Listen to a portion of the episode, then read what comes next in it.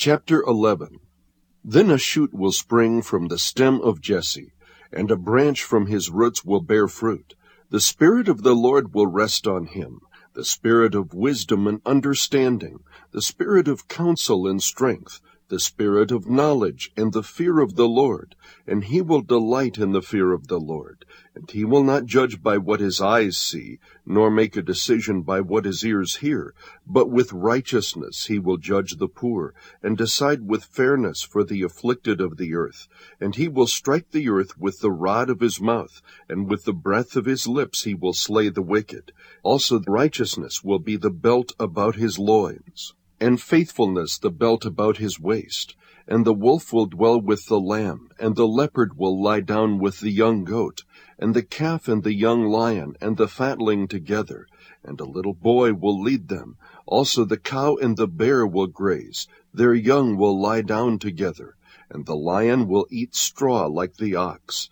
The nursing child will play by the hole of the cobra, and the weaned child will put his hand on the viper's den. They will not hurt or destroy in all my holy mountain, for the earth will be full of the knowledge of the Lord, as the waters cover the sea.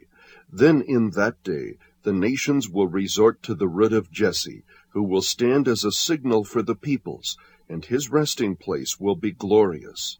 Then it will happen on that day that the Lord will again recover the second time with his hand the remnant of his people who will remain from Assyria, Egypt, Pathros, Cush, Elam, Shinar, Hamath, and from the islands of the sea.